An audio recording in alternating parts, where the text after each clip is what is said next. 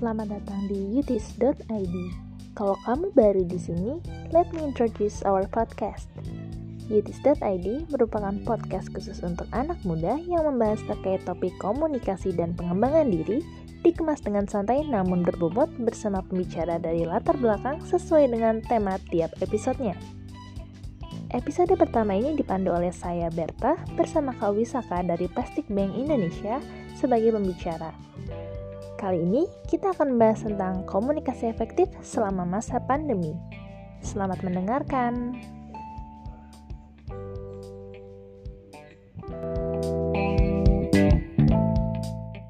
Rasanya sudah di penghujung tahun, tapi pandemi COVID-19 ini masih aja di Indonesia. Kadang itu sampai aktif beberapa aktivitas nih, kayak misalnya dalam komunikasi nih, kadang terhambat gitu loh kalau misalnya dihitung-hitung nih, udah dari bulan Maret kalau nggak salah, aku udah kuliah online, udah 10 bulan menjalani kegiatan secara daring. Terus rasanya itu kayak ketemu temen tuh udah jarang banget nggak sih secara langsung. Sampai aku tuh berpikir ya, misalkan kalau kuliah offline lagi nih, terus ngobrol bakal canggung nggak ya? Atau kayak kurang nyampe aja gitu kalau misalnya kita mau ngomong. Terus sama dosen juga nih, biasanya kalau mau bimbingan atau nanya-nanya tentang tugas atau perkuliahan, bisa langsung ke ruangannya, langsung ditanyain, jelas dan terarah gitu. Tapi sama pandemi ini kadang harus chatting dulu dosennya, harus pakai bahasa yang formal, yang baik, terstruktur, dan gak jarang juga gitu pesannya itu nggak dibalas dengan cepat atau harus nunggu beberapa hari. Kadang suka kesel gitu nggak sih? Terus aku juga merasa kalau pandemi ini banyak banget efek negatifnya gitu Oke deh, daripada aku ngedemu mulu nih, ngobrol-ngobrol yang efek negatif mulu, kita mendingan ngobrol berfaedah bareng Kak Wisaka. Halo Kak Wisaka. Halo Berta, halo semuanya. Halo, apa kabar Kak? Sehat, sehat, sehat. Lagi lagi seru aja sini. Kamu gimana? Apa kabar? Aku baik, dan sehat juga nih. By the way nih guys, kita recording aja ini secara daring ya Kak ya? Yoi, yeah. sesuai kan sama temanya.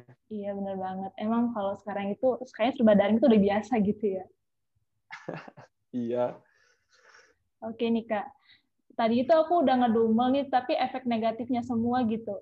Menurut Kak Kanis pribadi nih, selama masa pandemi ini, ada nggak sih efek positif dan juga mungkin mau nambahin efek negatifnya dari uh, pandemi ini, terutama di bidang komunikasi nih. Kalau misalnya kita ngobrol kan bisa langsung gitu kan kalau masa pandemi ini gimana sih Kak komunikasi Kakak dengan orang-orang sekitar atau di kerjaan Kakak apakah efektif gitu komunikasinya? Oh gitu ya. Oke oke bisa bisa. Jadi sih uh, kalau efek efek positif ya mungkin uh, bigger picture-nya nggak melulu tentang komunikasi sih, cuman efek positifnya kita melakukan uh, komunikasi secara online ini kan jadi paling nggak kita nggak kena corona kan ya. Hmm, iya. Karena kalau misalnya kita uh, kayak sih itu bisa dibilang sebagai efek yang paling positif ya. Jadi at least kita nggak akan ada nggak ada resiko kena virus corona ini juga. Uh, tapi kalau misalnya masuk ke karena aku udah kerja dan uh, komunikasinya dilakukan secara online, sebenarnya nggak terlalu banyak berubah ya karena kerjaanku kan uh, remote working juga ya. Aku sering harus ada komunikasi sama orang sama timku yang di luar, di luar maksudnya di luar Indonesia dan sering kali itu memang beda time zone. Jadi mau nggak mau kan komunikasinya harus online dan eh, nggak terlalu banyak perubahan yang kurasain sih uh, kalau dari segi komunikasinya. Cuman mungkin kalau uh, di orang-orang kebanyakan yang aku lihat beberapa efek positifnya juga sebenarnya aku merasa ini lebih efisien ya. Karena misalnya kalau dulu-dulu kalau memang kita harus ketemu face to face kan berarti kita harus ada ada waktu yang perlu kita siapin, misalnya harus nyamperin orangnya ke tempat ke tempat mana gitu, atau mungkin misalnya kalau kalian kuliah mau bimbingan, jadinya harus ke kampus dulu, harus uh, prepare dulu. Sedangkan kalau misalnya online, semuanya udah bisa langsung kapan pun ready, bisa langsung dilakuin. Menurutku itu lebih efisien dan efektif sih. Hmm, Walaupun memang ada negatifnya, ada kecenderungan uh, kebanyakan dan mungkin aku bukan bukan bukan tipe yang mempelajari komunikasi secara akademis ya cuman intinya kalau nggak salah sih komunikasi itu memang ada beberapa variabelnya atau ada beberapa faktor yang harus kita ngelihat orangnya tersebut. Baru uh, engage lah jadinya komunikasinya. Walaupun itu sih sebenarnya udah bisa diatasi juga kalau misalnya kita video call. Kan jadi kita ngelihat muka orangnya tuh. Hmm. menurutku gitu sih. Iya nih kak. Uh, aku juga sebenarnya beberapa hal ya ini positif juga terutama karena misalnya sering di rumah nih gitu kayak kerjaan misalnya tugas atau apa pun itu bisa lebih apa ya uh, efektif dan efisien gitu. Kayak ya benar tadi kata kakak kalau misalnya ke kampus mau bimbingan butuh siap-siap dulu butuh dandan dulu rapi-rapi dulu kan. Nah itu kan pasti ngabisin waktu juga. Belum lagi ntar di jalan macet atau gimana itu emang ngabisin waktu sih. Cuma kalau aku lihat emang dalam komunikasi itu emang agak susah sih kak kalau di aku ya. Karena ya misalnya lagi zooman nih lagi kuliah eh, capek gitu loh lebih capek menyerap materi secara daring ini daripada secara langsung gitu. Mungkin emang ada beberapa efek negatif dan efek positifnya.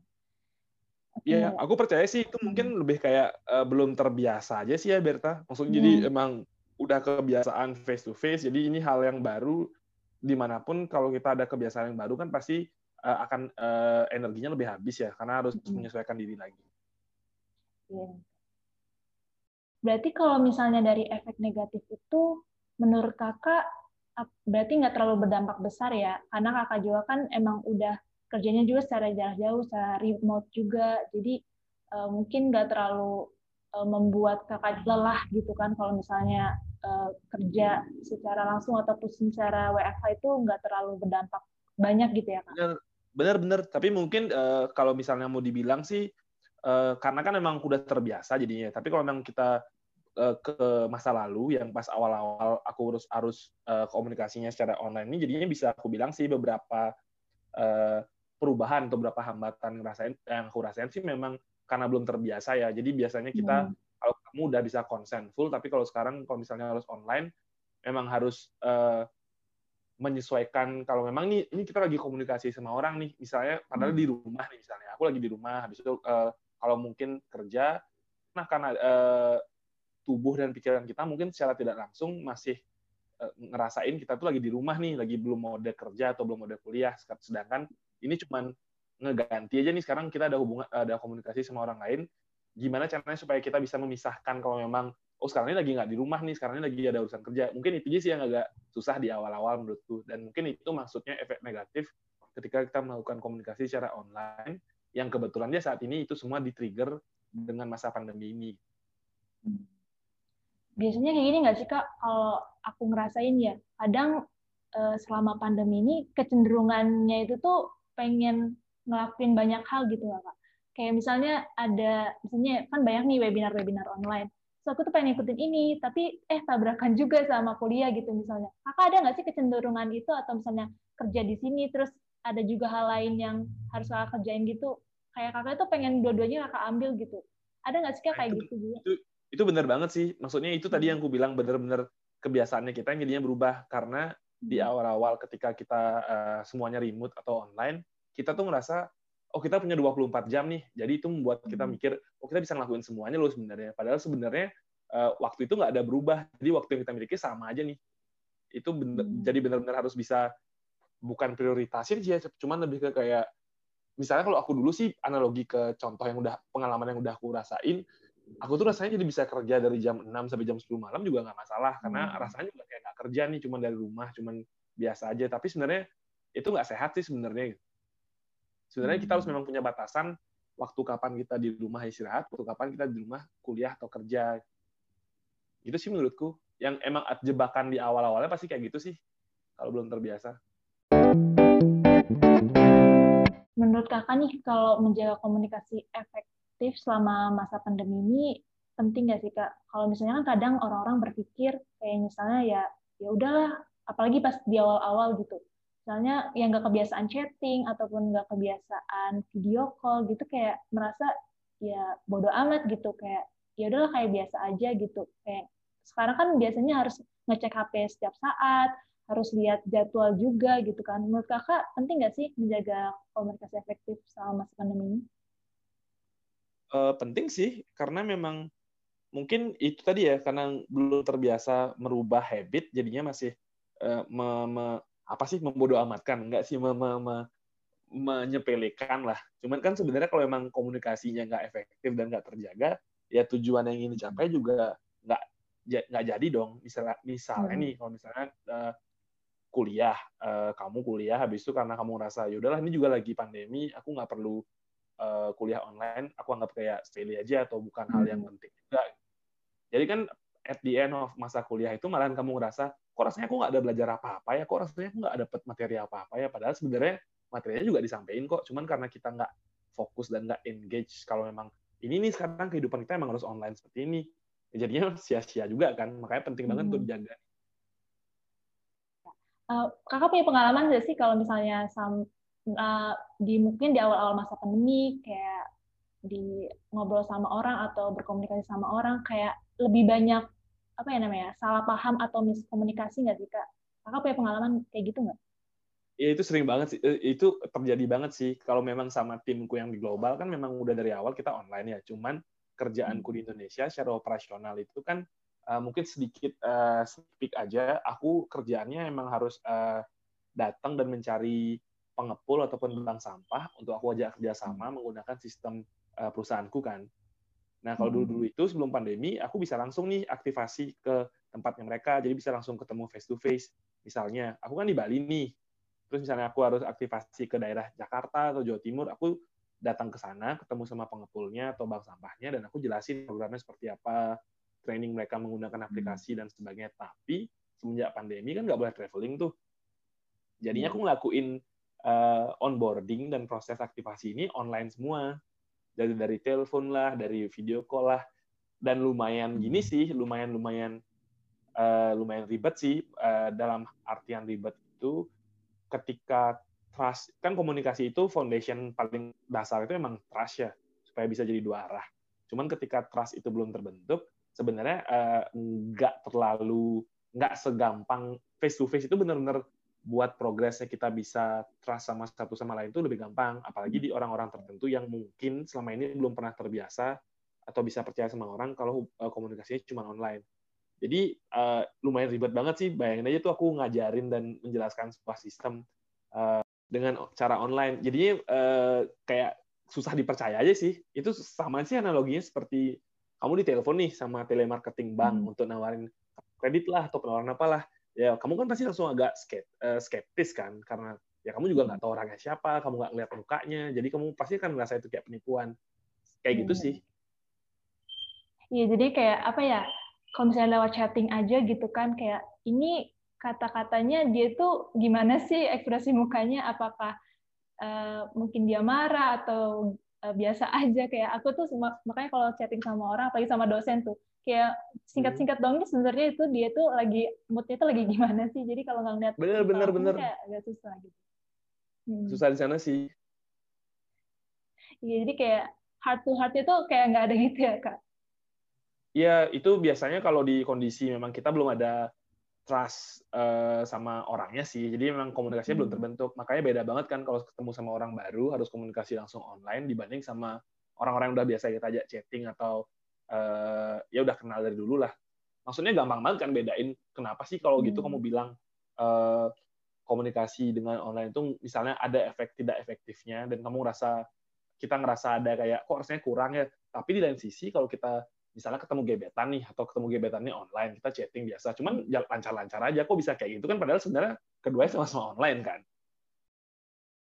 misalnya aku mau cerita juga nih kak, kan aku Iya, iya. ikut komunitas juga gitu kan di Ah. hmm, tentang literasi gitu. Nah ini terbentuknya pun eh, organisasinya atau kepengurusannya itu tuh pas pas pandemi ini, pas Oktober ini. Hmm. Nah kadang aku merasa kayak selama kepengurusan ini tiga bulan, udah tiga bulan ya dari Oktober, November, Desember ini kayak bondingnya itu emang kurang banget sih menurut aku karena kita emang nggak kenal banget awalnya. Terus juga setiap ketemu lewat Zoom dan itu pun setengahnya aja tuh karena nggak datang karena emang sibuk sana sibuk sini. Ya bener tadi kata kakak kita tuh kayak punya kecenderungan untuk ngikutin segala hal 24 jam kita habiskan buat eh, macam-macam hal. Jadi kayaknya di komunitas ini tuh belum kuat gitu bondingnya. Mhm. Terus kalau dari kakak solusi buat menjaga untuk bisa komunikasi efektif atau memperkuat bonding dengan relasi yang berjarak jauh terutama dengan yang baru-baru nih yang bukan yang eh, kenal udah sebelumnya itu ya, gimana iya. kak? Oh kalau Hmm. gitu sih kayaknya kunci yang kutemuin sih dari repetisi sama intensi, intensitas uh, gini ya komunikasinya ya. Jadi uh, nggak hmm. mungkin sih kita bisa expect kalau uh, satu kali kita teleponan atau satu kali kita meeting uh, langsung terbentuk nih bondnya. Uh, karena ini semuanya 100% online, menurutku sih jumlah repetisinya harus ditambah nih. Hmm. Jumlah repetisi dalam artian ya mungkin kalau di di acara yang biasanya rapat organisasi cuma bisa seminggu satu kali, kalau memang ini online uh, mungkin uh, durasinya per harinya di, diminimalkan, misalnya cuma 30, 15 menit sampai 30 menit, tapi kayak ya setiap hari hmm. itu sih harus dilakukan, setiap hari itu dua hari sekali. Jadi lama-kelamaan baru terbentuk tuh trust-nya. Gitu.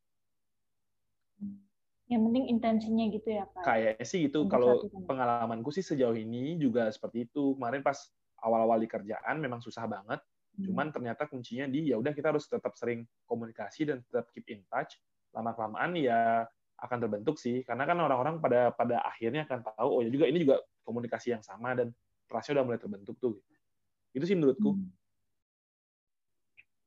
oke okay. jadi aku tuh sering dengar nih dari teman-teman apalagi pas awal-awal pas Maret nih itu uh, kita karantina dipulangkan ke rumah masing-masing uh, banyak banget yang protes gitu kayak aduh online tuh nggak enak online itu uh, capek gitu kayak apalagi di kamar gitu misalnya belajarnya kayak pengen tidur aja gitu pengen goleran aja gitu kan mm-hmm. nah kadang di situ teman-teman kayak aku juga sih kadang masalah gitu kayak kayak nggak belajar gitu. Jadinya kayak nggak kuliah ini apaan sih? Kuliah atau nggak kuliah? Terus nggak boleh keluar rumah lah seminggu sampai satu bulan tuh nggak keluar rumah sama sekali. Kadang aku tuh merasa kayak ya udahlah ini ngapain kuliah gitu kan. Nah menurut kakak gimana sih untuk menjaga tetap termotivasi tetap tujuannya itu tuh sama kayak yang pas kita kuliah secara luring gitu atau bekerja secara langsung kalau, menjaga motivasi itu gimana kak? Kalau menurutku ya uh, ini juga memang karena ada transisi sih, uh, tapi kuncinya atau yang aku dari pengalamanku uh, kita harus bisa sih benar-benar memisahkan kondisi kita lagi di rumah dan kondisi ketika kita sedang ada kegiatan dalam hal ini kuliah atau kerjaan. Jadi uh, selama kamu masih ngerasa mindsetnya lagi di rumah, selamanya kalau kita akan merasa kayak ini kok kayaknya nggak nggak bener deh atau kok ini kok nggak jelas banget deh jadi kuncinya itu sebenarnya kalau memang ada kuliah atau ada kerjaan pertama itu kamu harus lakuin harimu seperti biasa. Anggapnya kamu lagi emang lagi kuliah nih. Gimana misalnya kalau jadwalmu kuliah nih jam 9 pasti kan jam 8 kamu udah mandi udah pakai baju yang memang untuk kuliah udah rapi-rapi. Nah itu dilakuin tetap tuh seperti biasa. Dan nanti ketika udah jam jamnya kuliah online kamu jangan di, sebisa mungkin kamu jangan di kamar. Karena e, secara mindset kalau memang di awal-awal pasti kamu ngerasanya ini lagi nggak kuliah kalau lagi di kamar. So kamu tetap aja mandi seperti biasa, nyiapin e, pakai pakaian yang memang kuliah seperti biasa supaya secara secara habit atau secara mindset otakmu udah sadar kalau oh aku lagi nggak di rumah nih, aku lagi mau kuliah nih. Habis itu sih kalau memang nggak boleh keluar rumah ya sebisa mungkin jangan di kamar sih eh, kuliah online-nya. Coba lakuin itu kayak di ruang tamu atau di ruang keluarga. Jadi emang fokus banget dan harusnya sih bener-bener kebuka ya kebiasaannya itu soalnya sering banget sih aku juga ngerasain ya awal-awal jadi aku kayak mau misalnya ada meeting pagi nih jam 6 atau jam 7 itu aku baru bangun langsung meeting nggak mandi nggak ngapain jadi di awal-awal benar-benar fokusku nggak ini kok kayaknya aku nggak bisa fokus kerja atau ngapain cuman ternyata kuncinya di sana tuh ketika kita udah nganggap diri kita oh ini mau kerja nih jadi sebenarnya kayak nggak ada bedanya sama kegiatan biasa gitu. Nggak ada bedanya sama kegiatan sehari-hari sebelum pandemi loh. Yaudah tetapnya mandi, tetap pakai baju untuk kerja atau baju untuk kuliah. Habis itu pilih ruangan yang memang bukan di kamarmu supaya nggak pengennya kayak tidur aja atau istirahat aja. Habis itu biasanya langsung dengan sendirinya uh, ini sih dengan sendirinya kamu akan uh, berubah banget sih pemikirannya atau berubah banget settingnya. So kalau in a in a shorter sentence, the tips is just do just prepare your environment, siapinnya lingkunganmu segimana sebiasanya kamu melakukan hal tersebut. Oke kak, jadi kayak misalnya bisa dibilang nih kayak uh, daily rutin ya, tetap biasa kayak kita secara luring ya siap-siap bangun pagi ya jam segitu juga, jangan telat-telatin. Hmm uh, terus mandi. ya mandi juga bahkan sampai pakai hmm, pakaian siap -siap. yang bener aja juga langsung pakai pakaian gimana biasanya kamu kuliah dipakai aja karena itu membantu banget sih mindsetnya otak kita terus nih kak kalau misalnya kan mungkin Desember ini kan udah udah mulai nggak tahu sih ini kalau lihat aku di berita juga mungkin meningkat gitu ya covidnya. Cuma kayaknya orang-orang juga udah mulai uh, biasa. Terus aku dengar juga mulai banyak yang akan semi daring nih uh, tahun depan. Uh, menurut kakak gimana sih untuk menanggapi uh, untuk tahun depan nih kalau misalnya emang harus offline lagi ataupun uh, setengah offline setengah daring uh, cara efektif buat kita menanggapi uh, tahun depan ini uh, aktivitas belajar mengajar ataupun bekerja ini ada nggak sih kan strategi khusus dari kakak? Uh, kalau aku sih benar-benar kayak tadi ya, aku aku nggak ada masalah. Aku pertama secara uh, pribadi, aku percaya sih uh, this is the future. Jadi kayak sebenarnya pemanfaatan teknologi dengan sistem daring ini benar-benar membantu banget selama fasilitasnya hmm. ada. Kan aku mau nggak mau buta juga kalau memang ada aku bilang ini masa depan tapi kan sebenarnya di Indonesia sendiri masih ada daerah-daerah yang nggak punya fasilitas untuk yang mumpuni untuk mereka bisa menggunakan daring sebagai sistem pembelajaran atau sistem kerja. Cuman aku percaya sih secara pribadi ini sebenarnya uh, sistem daring atau sistem online ini terlepas dari tidak adanya pandemi, ini sebenarnya seharusnya membantu kinerja sama efektivitasnya kita sih. Jadi pandemi ini cuma salah satu trigger untuk mempercepat proses itu aja sih. Jadi kita sekarang mau nggak mau udah harus langsung ada uh, mengalami ini. Cuman memang ada fase transisi atau perubahan di sana. Jadi selama pertama uh, mindsetnya kita memang masih oke okay dan ngerasa oh yaudah emang ini perubahan yang harus ter terjadi, I think it will be fine. Terus kedua sih ya kita harus nyiapin dari segi lingkungannya kita sendiri sih. Uh, yang tadi aku bilang, jadi kayak memang kalau memang ada kuliah ya udah kita emang harus komit nih satu jam dua jam tersebut untuk fokus dengan kuliahnya kita. Kalau memang harus di, eh, gimana caranya biar kita bisa fokus dan konsen kalau memang kita harus uh, set up dirinya kita segimana itu seperti lagi kuliah pakai baju kuliah atau mandi dan ketemu teman-teman misalnya ya harus dilakukan juga. Itu sih. Does it make sense? Iya benar banget.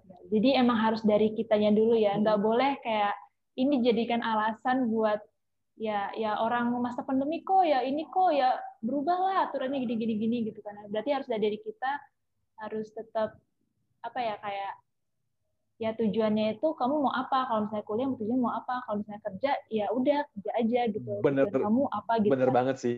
Karena jujur ya jujur nih aku hmm. jadi bener-bener uh, karena kita lagi take podcast ini dan lebih banyak membahas tentang kuliah dan masa bela uh, dan belajar aku bener-bener jadi balik ingat-ingat ke masa lalu ketika aku kuliah sih itu kan kayak hmm. ya udah lima tahun enam tahun yang lalu. Terus aku benar-benar jadi ngebandingin kalau orang-orang bilang nggak efektif nih kalau misalnya kuliah online aku jadi nggak fokus jadi nggak konsen.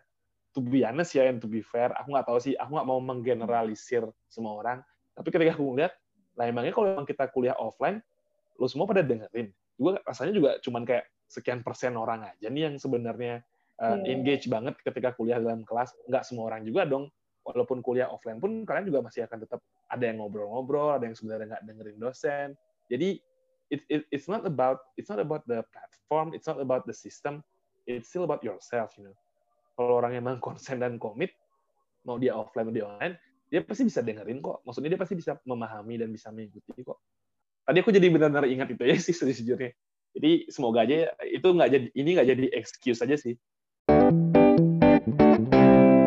Oke Kak, jadi kita udah selesai nih buat tanya-tanyanya. Eh, banyak banget nih materi ataupun uh, pembelajaran yang dari Kawisaka, dari pengalaman pengalaman Kawisaka. Terus ada nggak nih Kak closing statement buat kita semua, buat teman-teman uh, para remaja nih untuk tetap menjaga komunikasi di masa pandemi ini?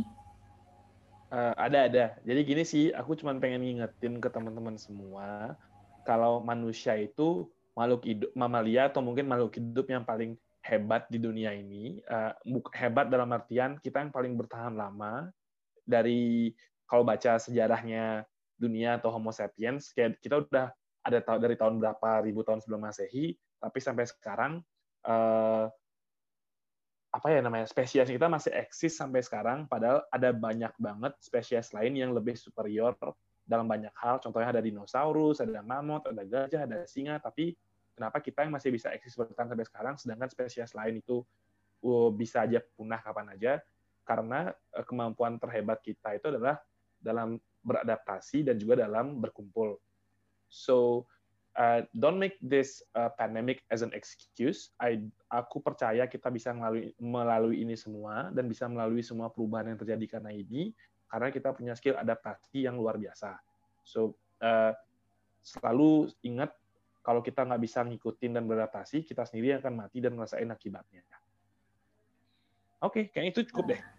Oke Kak, thank you banget buat malam ini tentang sharing-sharingnya dan segala halnya. Untuk teman-teman semua, terima kasih sudah mendengar dan selamat malam. Selamat malam, dadah. Makasih Berta. Terima kasih Kak.